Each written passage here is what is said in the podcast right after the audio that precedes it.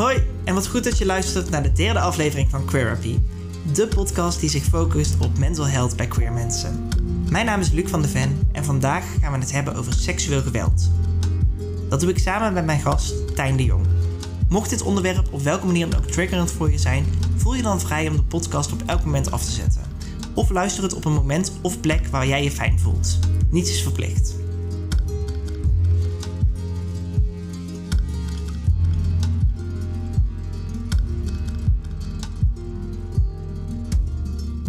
Hallo Tijn. Hallo. En welkom bij uh, Queerapy. Dankjewel, dankjewel. Hoe gaat het met je? Goed, beetje moe, maar uh, goed. Ja? Ja. Waar, waar komt die vermoeidheid door, denk je? Een lange dag geweest al. Ja. Wat heb je gedaan vandaag? Ik heb vandaag een training gevolgd, uh, want ik geef gastlessen op de mbo's in Amsterdam over seksualiteit en relaties. En daar hadden we een training over. Oké. Okay. Wij gaan het vandaag hebben over seksueel geweld best wel een heftig thema. Ja. Uh, voordat we dat doen, uh, wil ik even met je inchecken, met onze incheckvragen. Om uh, ja, de luisteraar even kennis met jou te laten maken. Mm -hmm. Geef zo snel mogelijk antwoord, niet te lang nadenken. En ja, dan gaan we dat gewoon doen. Oké, okay, leuk. Bring it on. Top, daar gaan we. Wat is je naam? Tijn. En je volledige naam? Tijn Caro Hanna de Jong. Oh, oh. Ja. Doofnamen? Uh, nee, nee, zeker niet. Maar ik had, uh, ik heette al Caro Hanna. uh, en na mijn transitie heb ik er een naam bijgenomen. Okay. Maar ik wilde die oude ook heel graag houden. Dus nou, wat mooi. Vandaar. Ja. wat zijn je pronouns? hij, hem, hen, hun en die, diet. Wat is je leeftijd? Ik ben 31. En je sterrenbeeld? Ik ben, ja, ik zit op het randje. Ik ben maagd en ik geloof weegschaal. Ik zit net op die, maar over het algemeen maagd. Oké. Okay. Uh, wie is je lievelingsartiest? Oh, oh, dat vind ik echt veel te moeilijk. Ik ben niet zo goed in lievelings kiezen. Nee. Misschien al Sam Smith dan, maar oh, het eerste wat in me opkomt. Goeie keus. Goeie keus. Ja. Wat wilde je vroeger worden? Clown. En is dat gelukt? Mm, ja, in zeker wel. oh, wel, ja. Uh, wat ben je nu uiteindelijk geworden? Um, nou, ik ben acteur en theatermaker. Dus in die zin, uh, dat kan heel clownesk. Uh, maar ik ben ook uh, activist en ervaringsdeskundige en spreker. Dus een hele bak vol. Nog een lievelingsvraag. Wat was vroeger je lievelingsknuffel? Ik had een muis met een muziektoosje erin. Oh, en had ook een naam? Muis. maar ik was dus ook iemand, ik had elke week een andere lievelingsknuffel. Ik kon dus niet kiezen. Een soort werknemer van de maand, maar dan met je knuffels. Knuffels, ja. Wat irriteert je? Mm, transfoben? Ja, ja, behoorlijk. Ja. Terecht. Ja. Wat is je meest gebruikte app op je telefoon? Instagram, denk ik. Ja. Heb je een nutteloos talent? Een nutteloos talent? Uh, ik kan met mijn teen mijn neus aanraken. De grote teen is nog wel flexibel. wat is het laatste wat je hebt gelezen? Moet dat dan een boek zijn of maakt het echt niet uit wat? Maakt niet uit wat? Uh, nou ja, vanmiddag kregen we veel informatie ook. Want we kregen ook een uh, les uh, vanuit het Centrum Seksueel Geweld. Mm -hmm. Dus daar heb ik een, een, boekje door zitten bladeren. En dat was dan specifiek een boekje over mensen die dus zorg verlenen aan, of hulp bieden aan mensen die slachtoffer zijn geworden van seksueel geweld. En hoe die dan weer, hoe je voor die mensen weer goed kan zorgen. Mooi. Ja. ja. Wie is je celebrity crush? Sam Smith. Ja. Hoe drink je je koffie? Ik drink geen koffie. Ja. En een liedje waar je vrolijk van wordt? Oh god, kom ik weer. Sam Smith. ja. ja, anything. Ja, van, van hen is echt awesome. Anything. Ja. Mooi. Nou, dat was hem. Ja. Veel mee, hè? Veel mee. Tijn, we gaan het vandaag hebben over seksueel geweld. Um, best wel een heftig onderwerp. Maar ook best wel een breed onderwerp. Ik heb hier een lijstje. Um, dat zijn niet eens alle manieren, maar dat zijn de meest voorkomende manieren. Dus die wil ik even aan je voorleggen. Uh -huh. Dat kunnen uh, kwetsende seksuele toenaderingen zijn, ongewenste aanrakingen, dwang tot seksuele dingen doen of toe te staan, online seksueel geweld en verkrachting. Ja. Nou, best wel veel uh, verschillende uitingen. Zeker. Um, en ik denk dat daar ook best wel vooroordelen over zijn. Dat sommige mensen sommige dingen wel als seksueel geweld zouden zien en sommige mensen niet. Mhm. Zie jij al deze onderwerpen als seksueel geweld? Ja, zeker. ja, absoluut. Dus ook ehm, een kwetsende toenadering kan ook al... Uh... Ja, dat, dat kan zeker gewelddadig zijn. Ja, absoluut. Ik, ik sprak laatst ook een vriendin die zei van... Ja, ik vind het eigenlijk meer verbazingwekkend als ik niet word aangereikt in de kroeg dan wel. Dat is echt... Uh... Maar zij had het een soort van zo als... Van ja, maar zo is de wereld nou eenmaal. Ja. Ik, ik, accepteer het maar gewoon. Dat ik denk, oh, we zijn echt al wel ver daarin of zo. Ja, je hoort dat veel. Hè? Ook, uh, ik heb ook wel regelmatig dat als we het er dan over hebben... dat als ik dan rondvraag van, joh, wie heeft er wel eens een ervaring? Dat eigenlijk niemand dat dan, uh, dat weinig mensen hun hand opsteken. Mhm. Maar als we uiteindelijk in gesprek gaan, dan kan bijna iedereen wel, zeker vrouwen en niet zes mannen uh, zeker altijd wel iets noemen waarvan ze denken: oh ja, daar heb ik toch een. Ja, dat je ineens herkent omdat iemand anders erover praat. Precies. Ja, en omdat je het eerst gewoon niet wil scharen onder uh, seksueel geweld, bijvoorbeeld. Omdat hm. we toch de neiging hebben om alleen uh, dingen als verkrachting te zien als seksueel geweld. Ik denk dat dat ook wel een, een terugkerend iets is wat ik hoor van mensen met soortgelijke ervaringen. Dat ze heel snel denken van: oh, maar bij mij was het niet zo heftig of zo. Terwijl het natuurlijk. Het, ja, het is eigenlijk allemaal even heftig. En sommige dingen heb je misschien op laatste leven meer last van dan andere. Ja. Maar eigenlijk is het gewoon allemaal even fout. Absoluut, ja. En in die zin kun je dus ook niet... Je kunt trauma niet schalen op ernst, zeg maar. Waar je daar, daar veel beter naar kunt kijken is het effect van iets. Want voor de ene kan een ongewenste aanraking hetzelfde effect geven als een verkrachting bij een ander. Dus mhm. we kunnen het eigenlijk niet op die manier, een soort van de daad kunnen we niet uh, op ernst uh, altijd schalen. Het is ook niet altijd zo zwart-wit. Nee. Nu uh, hebben we een beetje onderzoek gedaan. En daar kwam ook uit dat het bij uh, queer personen ook vaker voorkomt. Ja.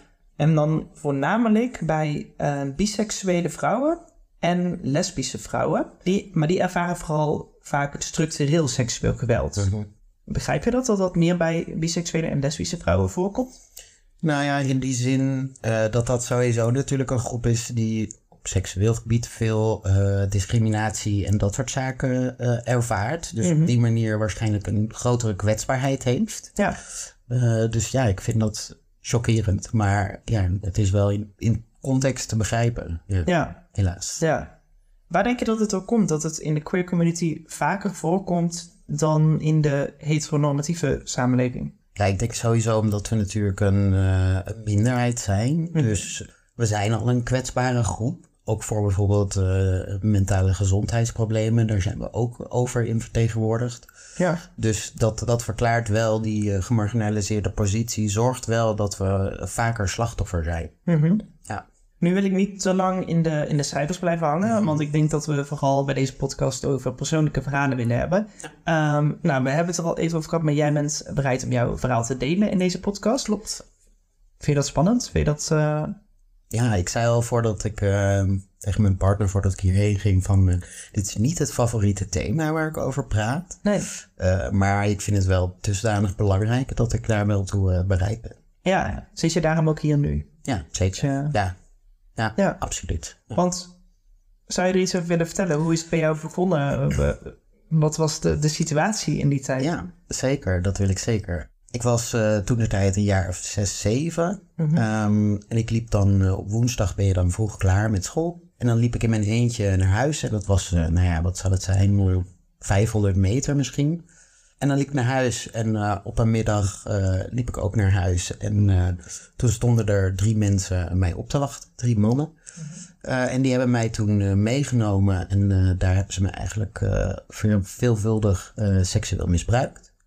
Uh, en dat heeft zich uh, ongeveer een jaar lang uh, voorgedaan. Elke woensdag, zeg maar. En jij, jij kende deze mensen niet, deze nee. mannen? Nee, nee. Maar ze kwamen wel iedere week weer terug om jou op te halen. Ja. En ja. wat, wat, zeiden ze dan, dat je met ze mee moest? Het, ja, het was heel lastig uit te leggen, want mm-hmm. ik voelde gewoon eigenlijk vanaf het moment dat ik ze zag, het gevaar al. Mm-hmm. Dus, en ik kan ook niet zo goed uitleggen wat er op dat moment gebeurde, maar ik was niet meer in staat om soort van dat te bevragen zoals wij nu doen. Zo van, ja, maar waarom liep je dan mee of hoe werkt Nee, maar je, was ook zeven, hè? Of zes. Ja, ja, het hardop Dus ik, ik, ja, ik heb gewoon niet begrepen wat er precies gebeurde of op het uh, stond te gebeuren. Dus ik heb inderdaad uh, met ze meegelopen en uh, nou, er liepen er dan één voor en twee achter. Dus het was niet, ook niet dat ik echt veel kans had om weg te kunnen. Mm en dan brachten ze me naar een plekje waar dat afgezonderd was. en daar gingen ze rouwen. Zo. En zou je daar iets over willen delen wat daar gebeurde? Ja, ja, nou ja, eh, zeker. Uh, ik ben uh, gedwongen tot allerlei seksuele handelingen. Um, er zijn allerlei seksuele, seksuele handelingen op mij uitgevoerd zonder consent. Um, maar het was, en het was ook heel lastig, want soms was het behoorlijk gewelddadig. Okay. Uh, en andere momenten waren ze juist heel lief. En dan kreeg ik ook cadeautjes. En, uh, dus het was heel, uh, heel lastig ook in te schatten hoe de situatie op dat moment zou zijn. Hm. Ja. ja. Ik denk dat, dat veel mensen soort vooroordeel hebben dat zodra je iets meemaakt met seksueel geweld, dat je die persoon volledig haat. Maar het is veel gecompliceerder dan dat natuurlijk. Ja, nou ja, en ik was ook, ik was zo jong dat, kijk, voor mij was bijvoorbeeld, uh, uh, ik noemde geslachtsdelen je plassertje. En voor mij was het, uh, weet je, je gebruikte om te plassen. Dus ik kon op dat moment ook helemaal niet die context duiden of wat er nou precies gebeurde duiden. Omdat ik daar qua ontwikkeling ook nog helemaal niet was. Dus het veroorzaakte eigenlijk voornamelijk een soort enorme verwarring. Mm -hmm. Uh, naast dat ik nou ja, verstijfde en dus niet in staat was om uh, te verdedigen of nee. uh, dat soort dingen. Want dat is in een stressvolle situatie heb je eigenlijk drie reacties, toch? Ja, je hebt er, ze zijn achter dat er inmiddels wat meer zijn ook. je hebt fight, flight, freeze, um, fawn ook nog. Maar de... Freeze is bevriezen. Precies. Dus je, je, je lijf schakelt zich helemaal uit. Ja. Je hebt Um, dat je wegrent. Ja. Fight, dat je in de aanval gaat. Ja. En wat was de vierde? Fawn, dat is eigenlijk dat je een soort van zo angstig wordt dat je gaat meehelpen, of in ieder geval ervoor zorgt dat het niet uit de hand loopt. Ja. Dus dat kan lijken op, nou, bijvoorbeeld met iemand meelopen. Dat, heeft, dat is niet dat bevriezen, maar dat is het soort van de gemoederen rustig houden. Mm -hmm. En nou ja, die reacties zijn een automatische overlevingsreactie. Dus ja. je kunt ook niet kiezen voor welke reactie. Geen keuze manier, zeg maar, nee. Nee, dat gebeurt gewoon uh, onder, als je hersen onder, je lijf onder een grote stress staat, dan neemt, je, uh, neemt dat systeem het eigenlijk over. Ja. ja, en waarom denk je dat ze jou gekozen hebben? Was het, waren ze echt uit op jou? Of was jij op het verkeerde moment op de verkeerde tijd? Ja, dat is iets waar ik zelf ook heel veel mee bezig geweest ben. Ja. En dat is altijd lastig en dat, ja, dat moet ik raden. Dat, dat weet ik niet. Ik denk wel dat zij doelbewust op zoek zijn geweest naar nou ja, iemand van mijn leeftijd, iemand Ja. van mijn kwetsbaarheid. eh, en dat ik dat toevallig ben geworden. Ja, kijk, ik weet niet of ze daar al maanden planning aan vooraf hebben gehad. Nee. Dus dat weet ik niet. Uh, ik denk wel dat daders heel goed in staat zijn om kwetsbare slachtoffers uit te zoeken. Ja. Ja, zeker in dit geval wel hoor. Want uh, ook wat ik met mijn psycholoog heb besproken is dat wel... Het komt wel heel duidelijk naar voren dat er grote voorbereiding aan is vooraf gegaan. Dat Ja. niet een zomaar in één keer gebeurde. Dat zij niet spontaan dachten van... hé, hey, laten gaan wij doen. Even, Nee. nee. dat lijkt me ook niet als je zoiets gaat doen. Je, je weet dat je fout bezig... Waren het altijd de drie, eh, driezelfde mensen? Ja, ja en soms waren ze dan met z'n tweeën, maar eigenlijk nooit bijvoorbeeld alleen. Oké. Ja. En ook niet dat er af en toe iets extra eh mensen... en gelukkig ze kwamen niet. iedere woensdag kwamen ze jou ophalen. Ja. Voor Ja. hoe, hoe lange periode was dat? Ja, ik denk bijna een jaar. Zie je? Ja. En, en toen? Waarom is dat gestopt toen? Mm, nou ja, ik, ik begon wel steeds meer dat ik ja, niet naar huis durfde op woensdag. En, en eigenlijk al de hele dag woensdag natuurlijk onrustig was. Eh, en op een gegeven moment eh, heb ik na, eh, na de les... moesten we dus dan allemaal naar huis. En toen ben ik enorm in huilen uitgebarsten. En ja, ik, ik durfde eigenlijk niet goed te vertellen wat er gebeurd was. Maar nou ja, ze wilde natuurlijk wel weten waarom ik zo overstuur was. Dus Ja. heb ik gezegd dat ik werd lastiggevallen. Dat was eigenlijk het enige wat ik kon benoemen. Ehm, en toen eh, is er eigenlijk gezorgd dat er altijd iemand eh, mij van school ophaalde. Eh, en dat is eigenlijk hoe het is gestopt. Oké. Ja. En toen zijn ze ook nooit meer teruggekomen? ja, ik heb ze wel nog een paar keer gezien. Als in, zeker bijvoorbeeld die eerste keer daarna dat ik opgehaald werd, heb ik ze wel gezien. Maar ik, verder niet. Als in, nee, op een gegeven moment hadden zij volgens mij ook wel door van, het is er voorbij of zo. Ja. ja. Ja. En toen heb je daarna weer verteld wat er gebeurd is. Of heb je het voor jezelf gehouden? Ja, ik heb het echt heel, heel ver weg gestopt. Dus jouw omgeving dacht gewoon dat er mensen na school jou lastig vielden eigenlijk. Ja.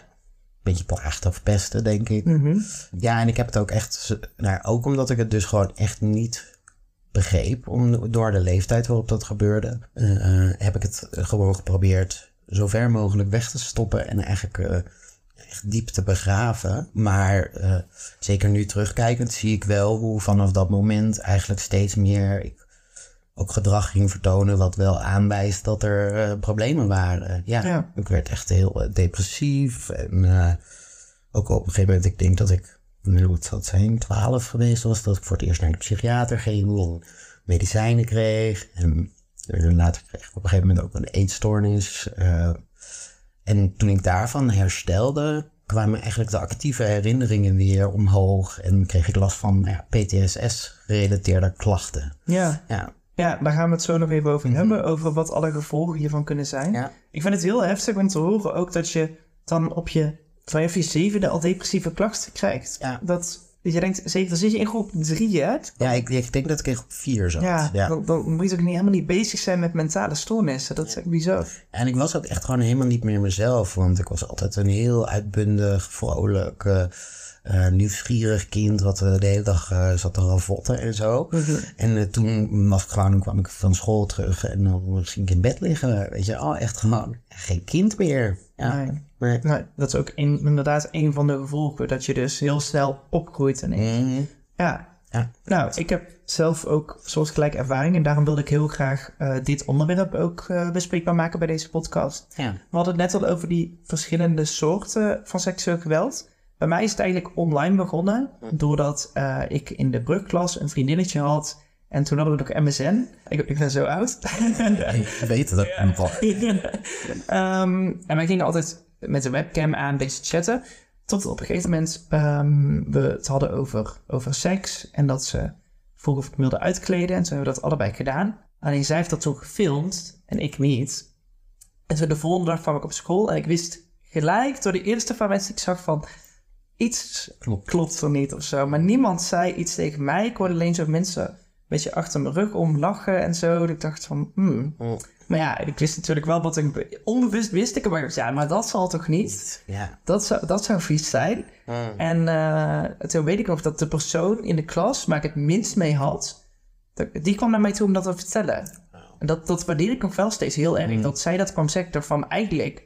had ik helemaal verkeerde vrienden... en had ik haar als vriendin moeten hebben... want zij was wel eerlijk. Ja. Maar ja, op dat moment, dus eh, ik was 13 en de hele school had dus ineens naaktfoto's en video's van mij. En op een gegeven moment kwam dat op zo'n punt dat als je met mij omging, dan werd je dus al gepest. Dat, eh, ja, dat was wel echt een hele eenzame tijd. Ik ging me ook heel erg afzonderen. Eh, ik heb ook echt heel cliché dagen, want ik op de wc mijn lunch aan het opeten zat. En Ja. ik dacht van, nou dan eh, hoef je niet, geen confrontatie aan te gaan met mensen. Mm. En eh nou, was ik ook nog queer. Dus ik ging op dating apps een beetje op zoek naar mensen. En toen heb ik een man ontmoet die, waar ik heel veel mee kon praten. Echt een half jaar lang. Die ik echt als eh, een van mijn beste vrienden beschouwde. Eh, en toen na een half jaar hebben we een keer afgesproken. In een bos om samen te gaan wandelen. En toen ik aankwam, dacht ik altijd, oh, dit, dit klopt niet of zo. Dit is een hele rare, hele rare vibe. ja. Misschien ook wel wat, wat jij net vertelde. Dat je vanaf het begin al wist van, mm, Instinctief bijna Ja. voelt. Ja. ja, ja. maar ik dacht ook van, ik heb niet echt veel opties of zo. Ik heb niet heel veel vrienden, dus ja, dan, dan, dan maar jij. Mm. Eh, toen ging het gelijk over seks, of ik dat wel eens geprobeerd had. En dat het heel fijn was, en of ik dat wel eens wilde proberen. Ik zei, ja, kan wel, want ik wilde vooral- vooral hem niet teleurstellen. Ja, natuurlijk. Ehm, en toen waren we begonnen een beetje. En ik weet nog dat ik echt eh, wel een paar keer heb gezegd van... Oké, maar ik vind het niet fijn. Laten we stoppen. Dus ik heb het wel echt aangegeven. Ehm, maar ik bevroor gewoon helemaal. En toen op een gegeven moment zei hij... Ja, het was vanzelf wel fijn. En toen heeft hij gewoon helemaal zijn ding gedaan. En eh, nou, dat is wel echt een verkrachting uitgedraaid. Ja. Maar doordat mensen dus al foto's van mij hadden... en dat schandaal al naar buiten was... had ik al zoveel schaamte... dat ik dacht, dit ga ik met niemand delen. En eh nou, dat is ook wel gebackfired. Dat, eh, Ja. Ja. Ik kon me voorstellen. Oh, maar wat verschrikkelijk ook. Wat misschien je ook eenzaam hebben gevoeld. Met, Ja. met dat een soort van geheim eigenlijk. Iemand jou iets heeft aangedaan. Ja, stom is dat, hè? Want je voelt je een soort van heel verantwoordelijk voor wat iemand anders gedaan heeft. Ja. Dat, eh, maar ja, toen die naaktfoto's naar buiten kwamen, mijn ouders waren erachter gekomen. Toen heeft mijn ouders me daarmee geconfronteerd en mijn moeder die moest huilen. Eh, wat natuurlijk een logische reactie is als zoiets bij je kind gebeurt. Ja. Wat ik heel erg geïnterpreteerd heb als in... Oh, ik heb mijn ouders teleurgesteld. Dus als dit verhaal naar buiten komt, dan wordt het nog heftiger. Ja. Dus ik dacht, ik hou het voor mezelf. Nou, Ja. Dus eh, Dat heeft ook zo consequenties. dat heeft consequenties, ja. Ja, want eh, ik heb hier een lijstje met mogelijke gevolgen. En dit is niet eens de hele lijst, dit zijn de, de meest voorkomende. Ik ga ze even voorlezen, laten we het daarna over hebben. Suïcidale gedachten, PTSS, minder zin in seks, het gevoel van kind zijn verliezen, eenzaamheid, schaamte, altijd alert zijn en het gevoel van onveiligheid. Ik weet niet wat dit bij jou doet, maar ik, ik denk bij alles alsof we check, check, Ja. check, weet je wel. Absoluut, ja. Ja. Dit is gewoon de staat van zijn waar ik sinds dat incident, Ja, nou ja, een, een paar jaar terug eh, in heb geleefd, continu. want Ja. hoe lang is het geleden dat jij hiermee naar buiten kwam? Dat, eh, Mm, ik denk ehm, inmiddels, ja, het is een jaar of tien misschien. Ja. dus wel echt flink nadat je... Laat. Ja. ja, ja. Want dat, hoe, hoe lang zit het? 15 jaar tussen, zoiets? Ik denk het, ja. Ja. Ik denk dat ik ehm, later dat ik echt, echt heb toegegeven dat dit gebeurd was. Eh, Ja. Ja. Want je vertelde net al dat je een eetstoornis hebt ontwikkeld. ja, klopt. Is dat, denk je, een gevolg van dat je heel graag controle wil op een bepaalde situatie en dat zich dat dan zo uit? Nou ja, ik denk, ik weet niet, zo is het zeker niet begonnen, maar daar is het wel absoluut op uitgelopen. En ook eh, voor mij ook heel erg het gevoel van controle over mijn eigen lichaam. Dus wat ik erin stop letterlijk. En eh, echt heel op die basic manier. eh, en weten ook dat, dat ik met sporten en al die dingen eh, die controle maar behoud. En tegelijkertijd wat ik ook heel, wat het voor mij heel nou een soort van aanlokkelijk maakte, was dat ik op een gegeven moment eigenlijk niet meer voelde. Oh, dat is een, een nadeel van ondergewicht. Op een gegeven moment is er geen energie meer om emoties te hebben. En dat ik dat een, op dat moment een hele prettige staat van zijn vond. Omdat het voelen van wat ik had meegemaakt gewoon te overweldigend was. Ja, Ja, zo. En PTSS, eh, posttraumatisch stresssyndroom, dat is eigenlijk een angststoornis, als ik het goed zeg. Herken je je daarin? Ja zeker. Ik heb die diagnose ook. eh, Ja? eh, ja, Oh. zeker. Nou, welkom bij de club. ja, ja, ja. ja, en ik heb ook nog de complexe eh, versie daarvan. Oh, dat is premium. Ja, precies. Premium. Ja, precies. Maar wat, wat maakt het dan... eh, Ehm, volgens mij zit het verschil hem in eenmalige traumatische ervaring of Oh, ja. stelselmatige ja, traumatische ervaring. ja. Nou, ik had bij mijn therapie ook EMDR. Eh, Dus dat je zo'n lichtje volgt en je eigenlijk moet praten tot je zo in paniek bent dat je niet meer kan praten. Dan een lichtje gaat volgen zodat je brein nieuwe associaties maakt. Ja. Nu heb ik meerdere vervelende dingen in mijn verleden meegemaakt. En dus die, die naaktfoto's en verkrachting waren er eh, één van. Ja. Maar die waren allebei heel moeilijk te verhelpen met EMDR, omdat het zo verspreid was eh, over verschillende gebeurtenissen. Ja. Want die foto's op zich, dat was niet echt een trauma, maar gewoon alle Eh, ja. pesterijen en wat daarna kwam. Dus dat was eigenlijk met EMDR ook niet op te lossen. Mm. Ehm, terwijl ik bijvoorbeeld ook het overlijden van een dierbare vriend heb meegemaakt. Mm. En dat was door EMDR wel weer heel goed op te lossen. Oh ja. ja. Ja, het is misschien ook wel eh, hoe sterk de beelden en de foto's die je moet maken in je hoofd, Ja, hoe, hoe sterk je dat kunt ja. halen en relateren daar. Ja. Maar dat lijkt me in jouw geval ook wel heel heftig. Dat het is niet één gebeurtenis. Het is gewoon echt eh, een jaar dat je leven. Ja, en daardoor is er ook, dat creëert ook wel een bepaalde, nou het heeft heel veel invloed gehad over op mijn, mijn zelfbeeld en mijn zelfwaarde. Ja. En eh, we hadden het net al over het gevoel van kind zijn verliezen. Dat je eigenlijk ineens meteen pam volwassen bent. Ja. Ja, want je, je hebt ineens zoveel verantwoordelijkheid ook om allemaal geheimen met je mee te dragen. Ja, ja. ja en, en gewoon de, je onschuld. Of zo. Ja. Het gaat over, ik kon vanaf dat moment was voor mij de hele wereld een gevaar. Mhm. Eh, ja, en dat is natuurlijk wel iets die van die, die naïviteit van eh, jong zijn en de wereld als een prachtige, leuke, spannende plek zien. Dat verlies je compleet. Ja. Was je bang dat die mannen terug zouden komen? Want je had natuurlijk dat kleine stukje wat ze met je meeliepen. Maar daarbuiten kon natuurlijk altijd iets... eh, Ja, Ik was überhaupt ook heel, want ze dreigt ook heel veel, dus ik was ook heel bang dat ze terug zouden komen of dat ze mijn familie iets zouden doen of nou, Wat hebben ze daarmee gedreigd? Ja, ja, zeker. Ja, met alles en nog wat. Dus ik was ook gewoon continu bang voor hun. Maar inderdaad, vanaf dat moment was ook wel voor mij alles. Iedere man was voor mij ook beangstigend, maar ook vrouwen eigenlijk. Dus de hele wereld werd een beangstigende plek. Ja. En daarna, heb je, die men, heb je die mannen nog ooit teruggezien? Nee, helaas. Uh, of nou ja, helaas. Nou ja, ik had wel dat je... kracht gehad om uh, bijvoorbeeld aangifte te doen, maar dat heb ik niet uh, gedaan. Zou je achteraf aangifte nog willen doen? Of denk je gewoon... Ja, dat is wel iets waar ik ook heel veel mee heb gestruggeld. Mm. vooral ook omdat door de berekenende manier waarop deze mannen dat hebben gedaan, ik het moeilijk te geloven vind dat ik het enige slachtoffer ben. Ja. Uh, dus daarin heb ik ook hele lange tijd een extreme verantwoordelijkheid gevoeld om uh, wel aangifte te doen. Om eventueel te voorkomen dat het nog eens zou gebeuren.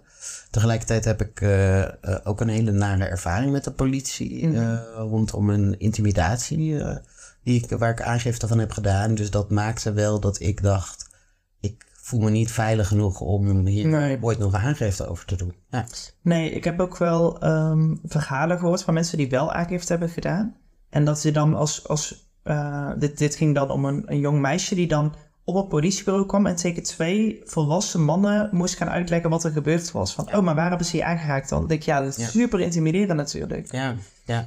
Ja, wat het bij jou misschien nog complexer maakt, is het feit dat jij trans bent. Ja toen dit gebeurde, was jij een meisje. Ja, klopt. Ik denk dat dit heel erg jouw beeld van mannen beïnvloed heeft. Ja, onwijs. En dan kom je erachter, dan kom je daarna nog achter dat je trans was. Ja. En dan neig je dus meer naar dat mannelijke. Hoe is dat dan? Ja, heel ingewikkeld. Sowieso denk ik, wat, een, wat, wat ik heel erg voelde, was dat ik bang was dat ik iets in mij had wat die mannen hadden.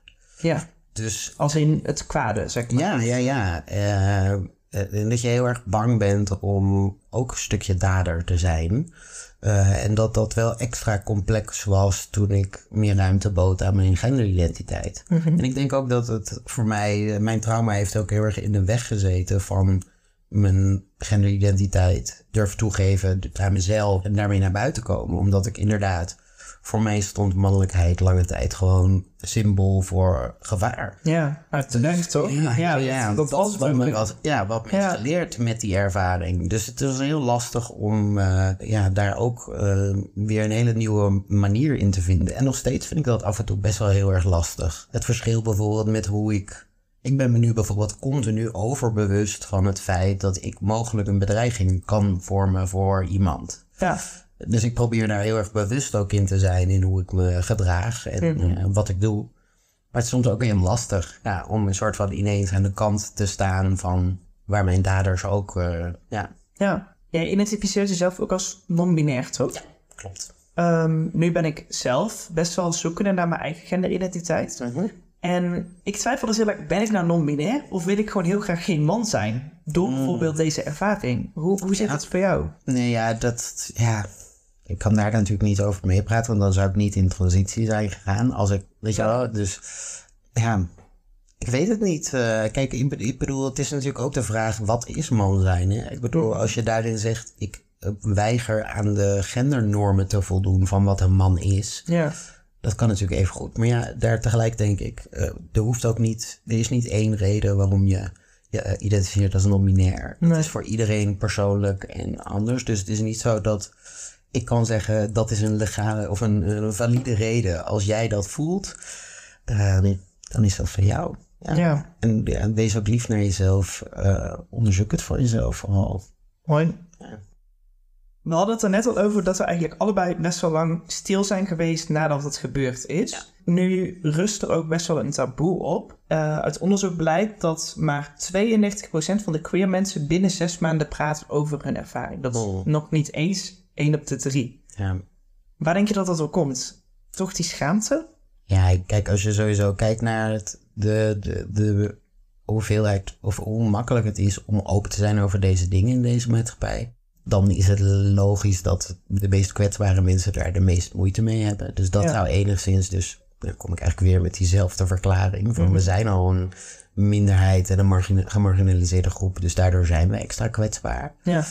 En tegelijkertijd denk ik ook, uh, we willen denk ik ook graag, uh, we willen hopen dat onze queer community een veilige plek is. Ja. en dat is het niet, want het is ook een uh, klein stukje maatschappij en ook nou ja, queer community gebeuren. Ja, juist queer community. Precies, dus um, ja, ja. Dat vind ik ook wel het, het spannende aan de queer community. Dat Mm. als je daarin komt, dan ben je natuurlijk best wel zoekende naar gelijkgestemden of je naar mensen met soortgelijke ervaringen. Ja. Daar kunnen mensen zo makkelijk misbruik van maken. Dat Klopt. echt. eh, Ja. Ik vind dat zomaar scary iets. Zo. Ja, en het heeft natuurlijk ook heel erg te maken met dat vroeger, omdat homoseksualiteit natuurlijk zo lang verboden is geweest, dat het ook natuurlijk heel lang in een soort niche uh, achter gesloten deuren plaatsvond. Dus dat Ja. zie je nog best wel terug in ook de cultuur.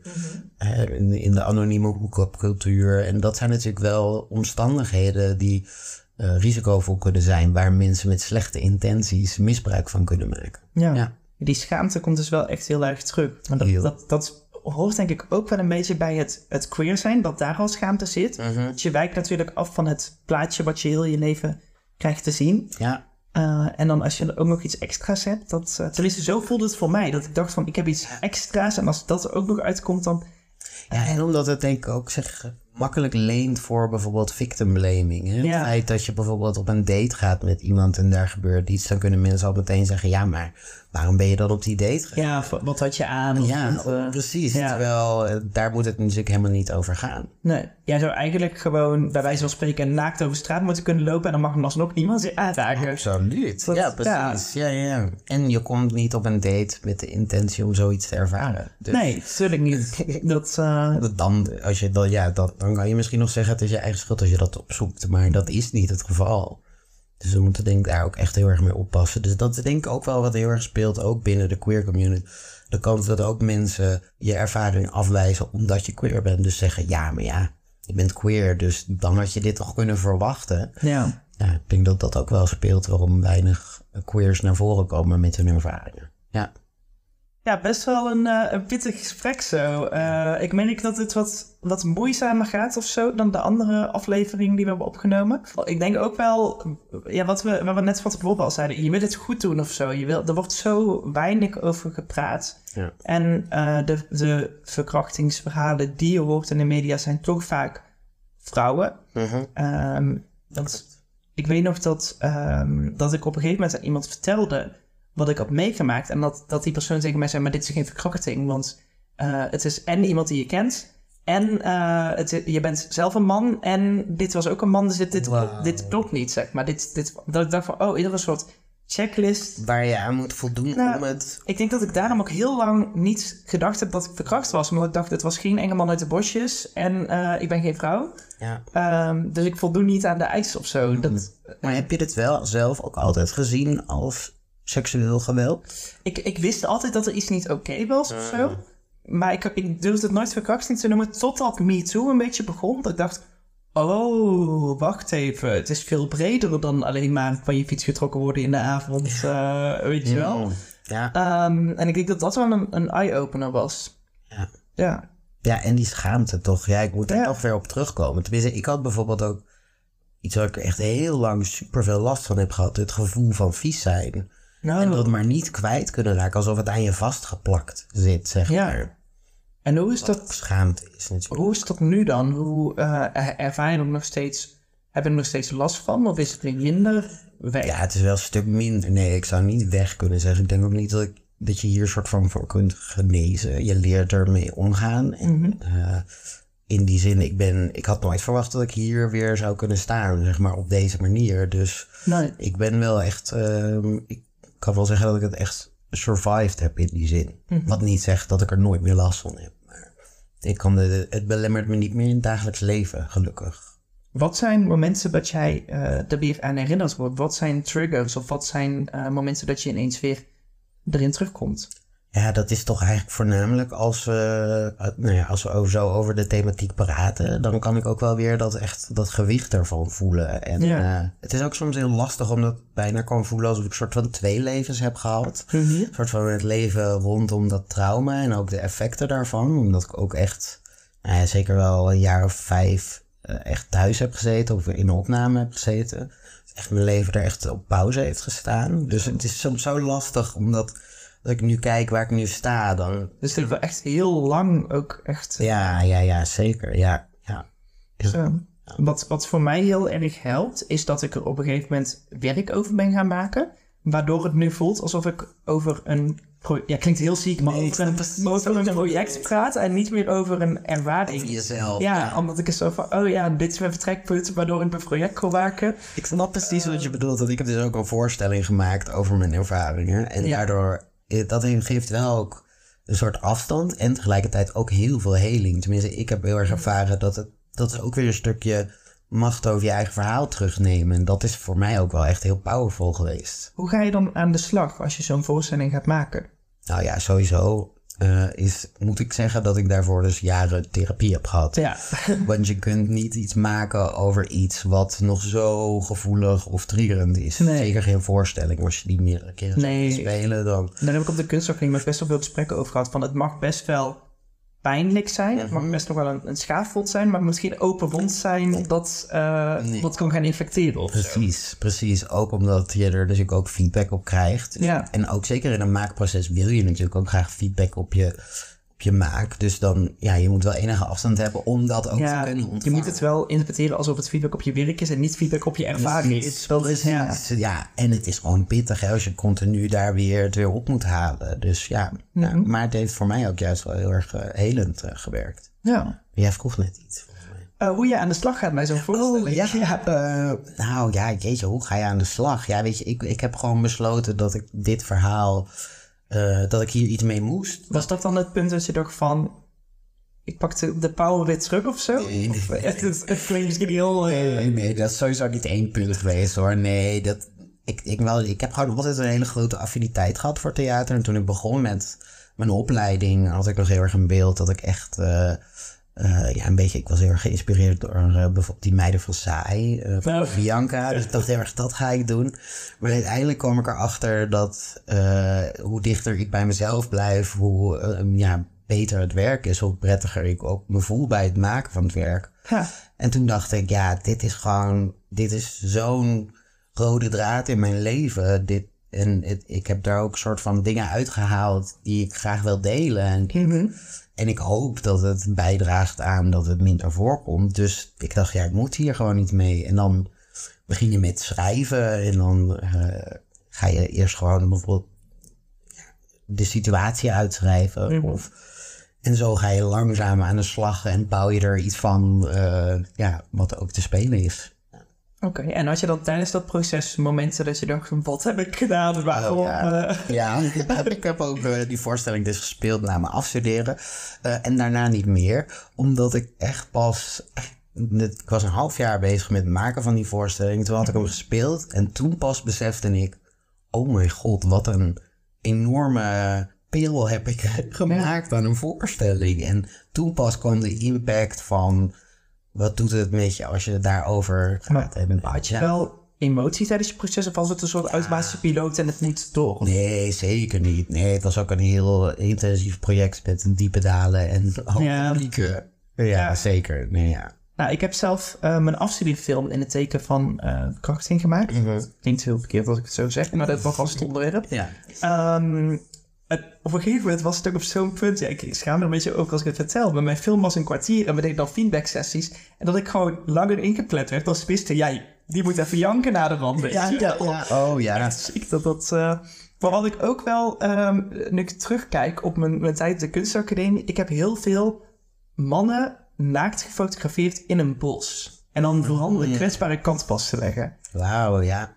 Maar nu ik er terug over nadenk, want ik, eh, toen ik dit vertelde aan de vriendin, oh, maakte je daarom die foto's? Dacht, ik heb nooit die link gelegd, maar dat het zo obvious is, weet je wel. Dat ik denk, ja, wat... eh Dus dit wilde, denk ik, al heel lang naar buiten. Ja, ja. Maar ja, vind maar eens een... een wanneer, is het, wanneer is het goede moment ook voor zoiets? Ja, ik denk dat je dat toch het beste ook voelt. Toch? Ja. En het moet ook niet zo zijn dat mensen nu denken... oh, het enige manier om van mijn trauma af te komen... is om er een creatieve uiting aan te geven. Nee. Dat, hoeft natuurlijk helemaal niet. Nee. Ehm, wat voor iedereen prettig is. Maar het kan absoluut wel... eh, Nou, ik denk dat het belangrijk is om het te uiten. Maar dat niet Dat- uit, uitmaakt op welke manier. Nou ja, niet, Ja, niet, niet, niet op een strafbare manier, maar, maar zeg maar creatief of praten of eh, wat zijn het? Dat sowieso praten is absoluut. Ja, nou ja, ik vind praten lastig. Nou, zou je nu niet zeggen wat een maken podcast. Maar ik vind praten over dit best wel lastig. En ik vond het heel fijn om er muziek over te maken, bijvoorbeeld. En eh, film over te maken. Dat heeft mij wel echt geholpen. Dat snap ik ook wel, ja. Ja, terwijl het eigenlijk het is ook wel... Want ik vraag me af, vind je het zelf ook heel moeilijk? Of ben je ook heel bang van... Tenminste, wat ik vaak ervaar is dat ik voel dat ook de maatschappij er eigenlijk niet over wil praten. Ik, ik merk dat mensen ongemakkelijk worden. Precies. En eh, ik wil, ja, klinkt heel heftig, maar ik wil niet dat mijn ouders het gevoel hebben dat ze gezaald hebben. Want ik heb het zo lang verborgen gehouden. En ik merk dat zij dat eh, zichzelf ook wel kwalijk nemen. En dat vind ik heel moeilijk. Ja, dat snap ik. Ja, ik heb daar ook veel eh, gesprekken over met mijn moeder bijvoorbeeld. Ja. Eh, en in, in, in zekere zin kun je natuurlijk zeggen dat je ouders verantwoordelijkheid hadden om je te beschermen. Tegelijkertijd, er is niet een handboekje voor ouders. Dus iedere ouder maakt fouten en laat steken vallen. Ehm, dus die dingen kunnen denk ik ook goed naast elkaar bestaan. Ik bedoel, als je ouders het hadden geweten, hadden ze natuurlijk je willen ondersteunen en ehm, Ja. dat soort dingen. Dus ja, Neem jij het andere mensen behalve de daders kwalijk? Nou, er is wel een stuk in mij, en dat is natuurlijk ook dat, dat kind eh, in mij, wat, wat absoluut heel boos kan zijn op eigenlijk de hele wereld. Het feit dat er dat dit soort dingen en nog steeds dus in deze mate kunnen gebeuren. Eh, en dat, dat, niet, dat er blijkbaar te weinig urgentie is in de maatschappij om dit aan te pakken. Dat, dat, ja, daar kan ik wel behoorlijk pissig over worden. Ja, want ik vind, ik vind dat we maatschappelijke verantwoordelijkheid hebben om met dit probleem echt stevig aan de, pa- aan de slag te gaan. Ja. Want nog steeds is het gewoon echt eh, een heel groot probleem. Nou, ik heb hier een, een lijstje met hoe de wetten op dit moment zijn. Ja, Eh, er zit nu wel een verandering in, want door de Tweede Kamer is er een wetsvoorstel eh voorgenomen, aangenomen, Ja. wat waar Amnesty International heel lang voor gestreden heeft. Dus echt uh, kudos voor them. ja dat Eh, je consent niet meer actief hoeft te geven. Nee, dat, eh, nou, eerst Dat is was het, belangrijk. was het alleen dat als het onder dwang gebeurde, dus als er geweld bij te pas komt, dan pas was het strafbaar. Maar het is natuurlijk veel breed. Want bij mij is er nooit geweld aan te pas gekomen. Dus eigenlijk volgens de, de wet is er niks fout gegaan. Dit is gewoon eh, hoe het moet zijn. Dat is natuurlijk ook dat clichébeeld, hè? Mhm. Dat het altijd gewelddadig is. Terwijl er zoveel manieren zijn om iemand te manipuleren, te bedreigen, om dat gedaan te krijgen. Ja, Ja, nu heb je ook heel veel landen die eh, met een consentswet werken. Spanje is daarnaast voor het nieuws gekomen dat zij dat eh, hebben aangenomen. Dus dat je alleen met consent seks mag hebben. Anders is het dus automatisch verkrachting. ja. Hoe vind je dat? Ja, ik vind het eh, lastig aan de ene kant. Omdat ik aan de ene kant denk ik natuurlijk hartstikke goed. Want alleen als je enthousiast instemt, is seks eh, ook leuk. Ehm, tegelijkertijd leert denk ik ook eh, de praktijk wel dat er veel grijze gebieden zijn. En ik denk dat alleen deze wet invoeren een beetje dweilen met de kraan open is. Terwijl als wij op, op tijd eh, vroeg al aan de slag gaan met educatie rondom consent. En als we ook onze hele mindset daaromheen wat meer veranderen, dan, eh, dan denk ik dat je veel verder komt. Zeker. Ja, en als we bijvoorbeeld de machtsdynamieken tussen de ongelijkheid van gender aanpakken, al die systemen die eigenlijk ondersteunend zijn aan dat dit geweld kan plaatsvinden, als we daar meer aandacht aan zouden besteden dan de achteraf wetten, de straffen, hoewel absoluut belangrijk, dan denk ik dat dat veel meer zin heeft. Ik Nou, niet in alleen deze wet en dan kunnen onze handen ervan afhalen en zeggen het is goed geregeld. Een stukje educatie is heel belangrijk. Ja. Maar ook met consent bijvoorbeeld. Want mensen denken van ja, moet ik dan een contract gaan tekenen voordat ik ga neuken, weet je. Dat, nou, zo ingewikkeld is het ook niet. Maar ik weet nog dat ik een, een keer een date had. En dat ik zo op de rand van mijn bed een beetje zenuwachtig zat.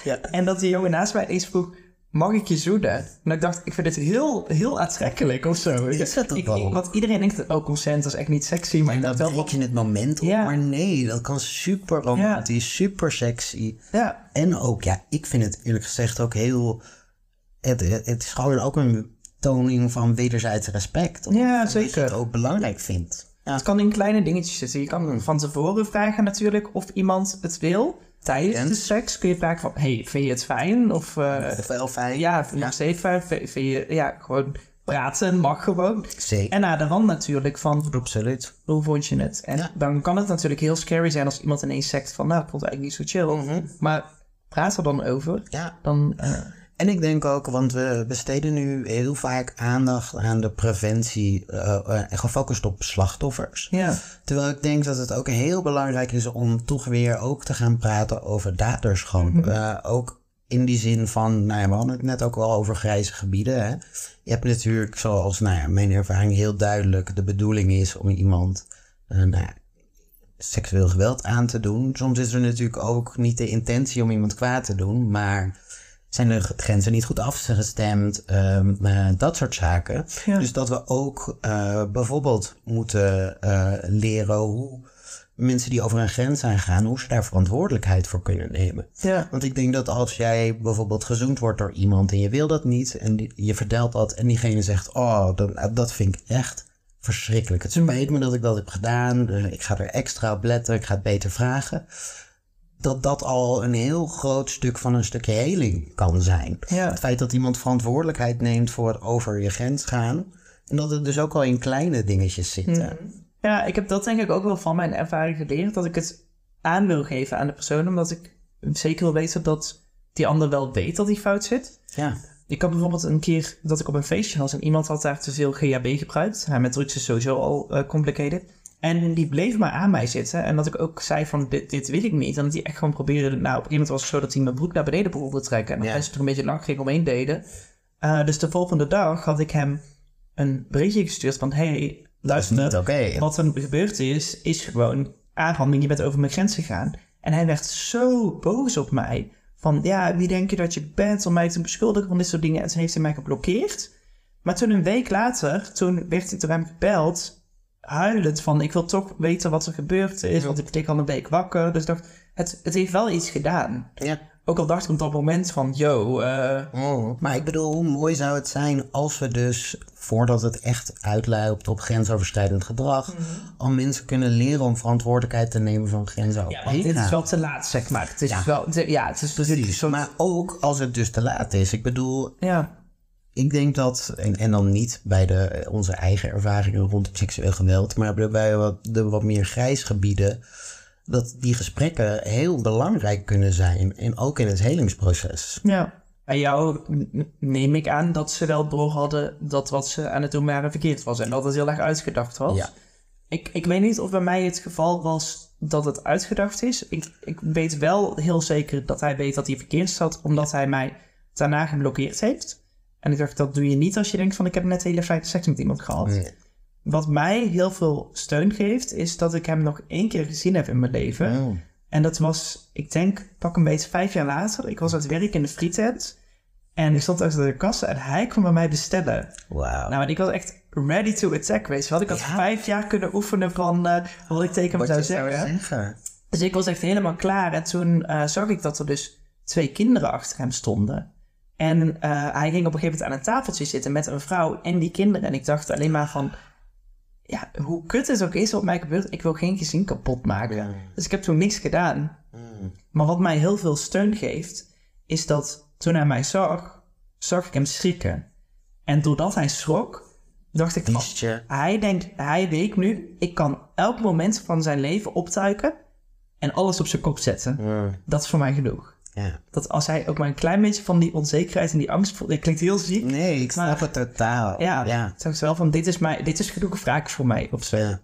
Mooi wel hoor. Ja, en ook met wat we zeggen met, die, met, die, eh, met de politie en aangifte. doen. Ik focus me liever op het positieve door er projecten over te doen, door er werk over te maken, door er in gesprek over te gaan in zo'n podcast bijvoorbeeld. Dat, dat is voor mij veel helender dan het hele proces weer opnieuw negatieve Ja. manier ehm, beleven. Ja, ik snap het. Ja, dat is ook wel echt iets wat ik herken hoor. Dat eh, bijvoorbeeld, dat is ook de reden waarom ik bijvoorbeeld in deze podcast hierover wilde vertellen. Omdat ik heel erg, het heeft mij heel erg geholpen om er open over te zijn met het idee dat ik hoop. Ik voelde me zo eenzaam nadat het gebeurd was en alsof ik de enige was die dat ervaarde. Ja. Eh, en ik had het, het had mij zoveel heling gegeven als ik op dat moment een verhaal van iemand had gehoord. Dat, ja. En me daarin had kunnen herkennen en iets van die eenzaamheid weg had kunnen maken. Dus dat, dat is de reden waarom ik nu ook zeg, ik wil het hier, hoe pijnlijk ook, Mhm. wel over hebben. Omdat eh, de, het, het, het- de neiging van, of tenminste als je seksueel geweld hebt meegemaakt, is de kans gewoon heel groot dat je je gaat isoleren. Ja. En, en een soort van verdwijnt in nou ja, het trauma. eh, en een verhaal horen van een gelijkgestemde of iemand die iets vergelijkbaars heeft meegemaakt. Dat kan ontzettend helend zijn. Dat, ja. Krijg je wel eens reacties op, eh, op het werk wat je maakt? Of op de presentatie die je geeft bijvoorbeeld? En wat zijn die reacties dan? Ja, ik, zeker. Ik krijg, nou ja, wat ik zelf dus ook weer, als we het weer over dat helende aspect. eh, ik vind het ook altijd heel bijzonder als mensen hun verhaal met mij delen. Ja. zelf de schaamte breken en het zwijgen doorbreken. Of als ze zich herkennen in een verhaal of een bepaald aspect of een nieuw inzicht hebben gevonden. Ja, als ik daar, daar berichten over krijg, dat maakt me heel blij. Of mensen die ook hun eigen verhaal eh, weer de controle over hun eigen Zeker, ja. Dat je echt dat stapje eh, kan zijn voor iemand. Vind ik soms ook moeilijk, omdat het wel een verantwoordelijkheid best meedraagt. Ja, ik probeer ook zelf niet, eh, bijvoorbeeld niet inhoudelijke adviezen te geven. Ik probeer daarin meer Nee. eh, een soort van doorverwijzende rol dan te spelen. Nou, dat, dat zeg ik ook altijd. Ik ben geen hulpverlener. Ik kan alleen mijn eigen verhaal delen. Dat, dat is het vooral. En ik kan natuurlijk een luisterend oor zijn eh, en iemand empathie, begrip en een beetje zachtheid bieden. Ja. Maar ik kan inderdaad niet iemand, ben geen, geen hulpverlener. Nee, nee. En eh, ik vind het ook heel fijn als mensen verhalen delen. Wel in de goede context. Want omdat ik het dus in drag doe, heb ik best wel vaak dat ik eh, een optreden heb gehad. Dat ik daarna nog met vrienden een drankje sta te doen. En dat er iemand half dronken naar me toe komt. Ik ben ook verkracht. En Ja. ik echt denk, oh my god, wat, wil, je, wil, je, knuffel? Wil je, eh, wat, ja, wat kan ik doen voor je wel? Ja. Moet ik een drankje voor je halen? En dan, dan zijn ze alweer verder aan het dansen. En dan sta ik er echt van, oh. Ja, ja ik, ik vind het ook altijd heel prettig als mensen even inchecken. Van, joh, ik zou Ja. heel graag mijn verhaal met je willen delen. Heb je daar nu ruimte voor? Dat, ja. Ja, Ja, Zeker. Dat, eh, dat- ja, soms heb je ook gewoon je dag niet en dan precies. Ja, Of kan ook een dag zijn dat je je minder fijn voelt. precies. Of zelf Ja. weer wat meer last hebt van trauma. Of ja, Nu we het toch hebben over de reacties van anderen. Heb jij tips voor mensen met soortgelijke ervaringen die, in, die nu in zo'n situatie zitten? als in, Mensen die misschien iets hebben meegemaakt op seksueel eh, geweld op dat vlak. ja. Ehm, wat voor tips zou je die mensen willen geven die misschien nog niet erover zijn gaan praten? Of die dit luisteren en denken, die misschien dit als eerste stand luisteren? Nou ja, wat mij ook wel heeft geholpen is inderdaad om dan verhalen van anderen te lezen. Bijvoorbeeld boeken lezen erover.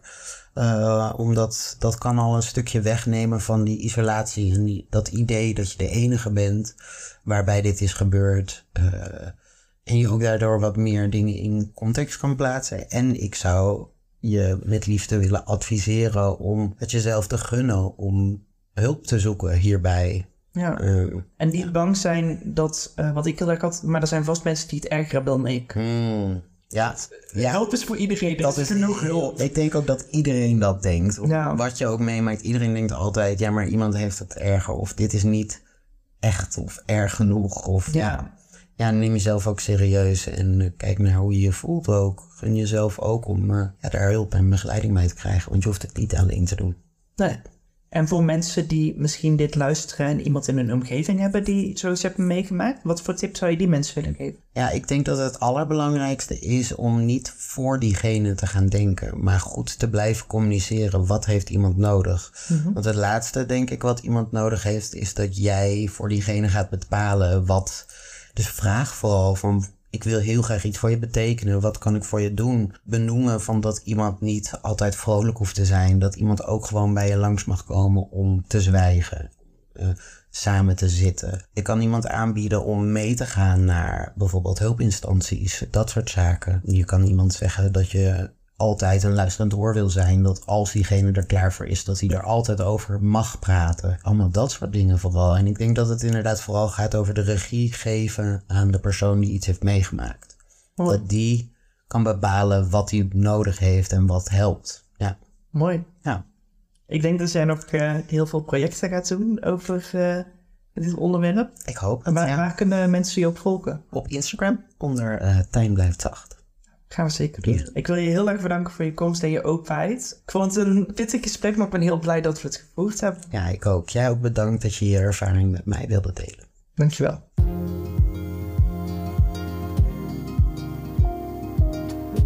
Dit was de derde aflevering van Queerapy. Deze aflevering werd gemaakt door Sascha Bogaerts, Aline Arts, Joachim Westra, Isa Hoendervangers en Luc van de Ven. En deze aflevering werd mede mogelijk gemaakt door Cultuur Eindhoven en Jong Cultuur. Wil je meer weten over Queerapy of napraten over dit onderwerp? Volg ons dan op Instagram op of stuur ons een DM. Volgende keer gaan we het hebben over alcoholverslaving. Dat doe ik samen met Jeroen van Zanten. Tot de volgende keer. And remember, no fear, be queer.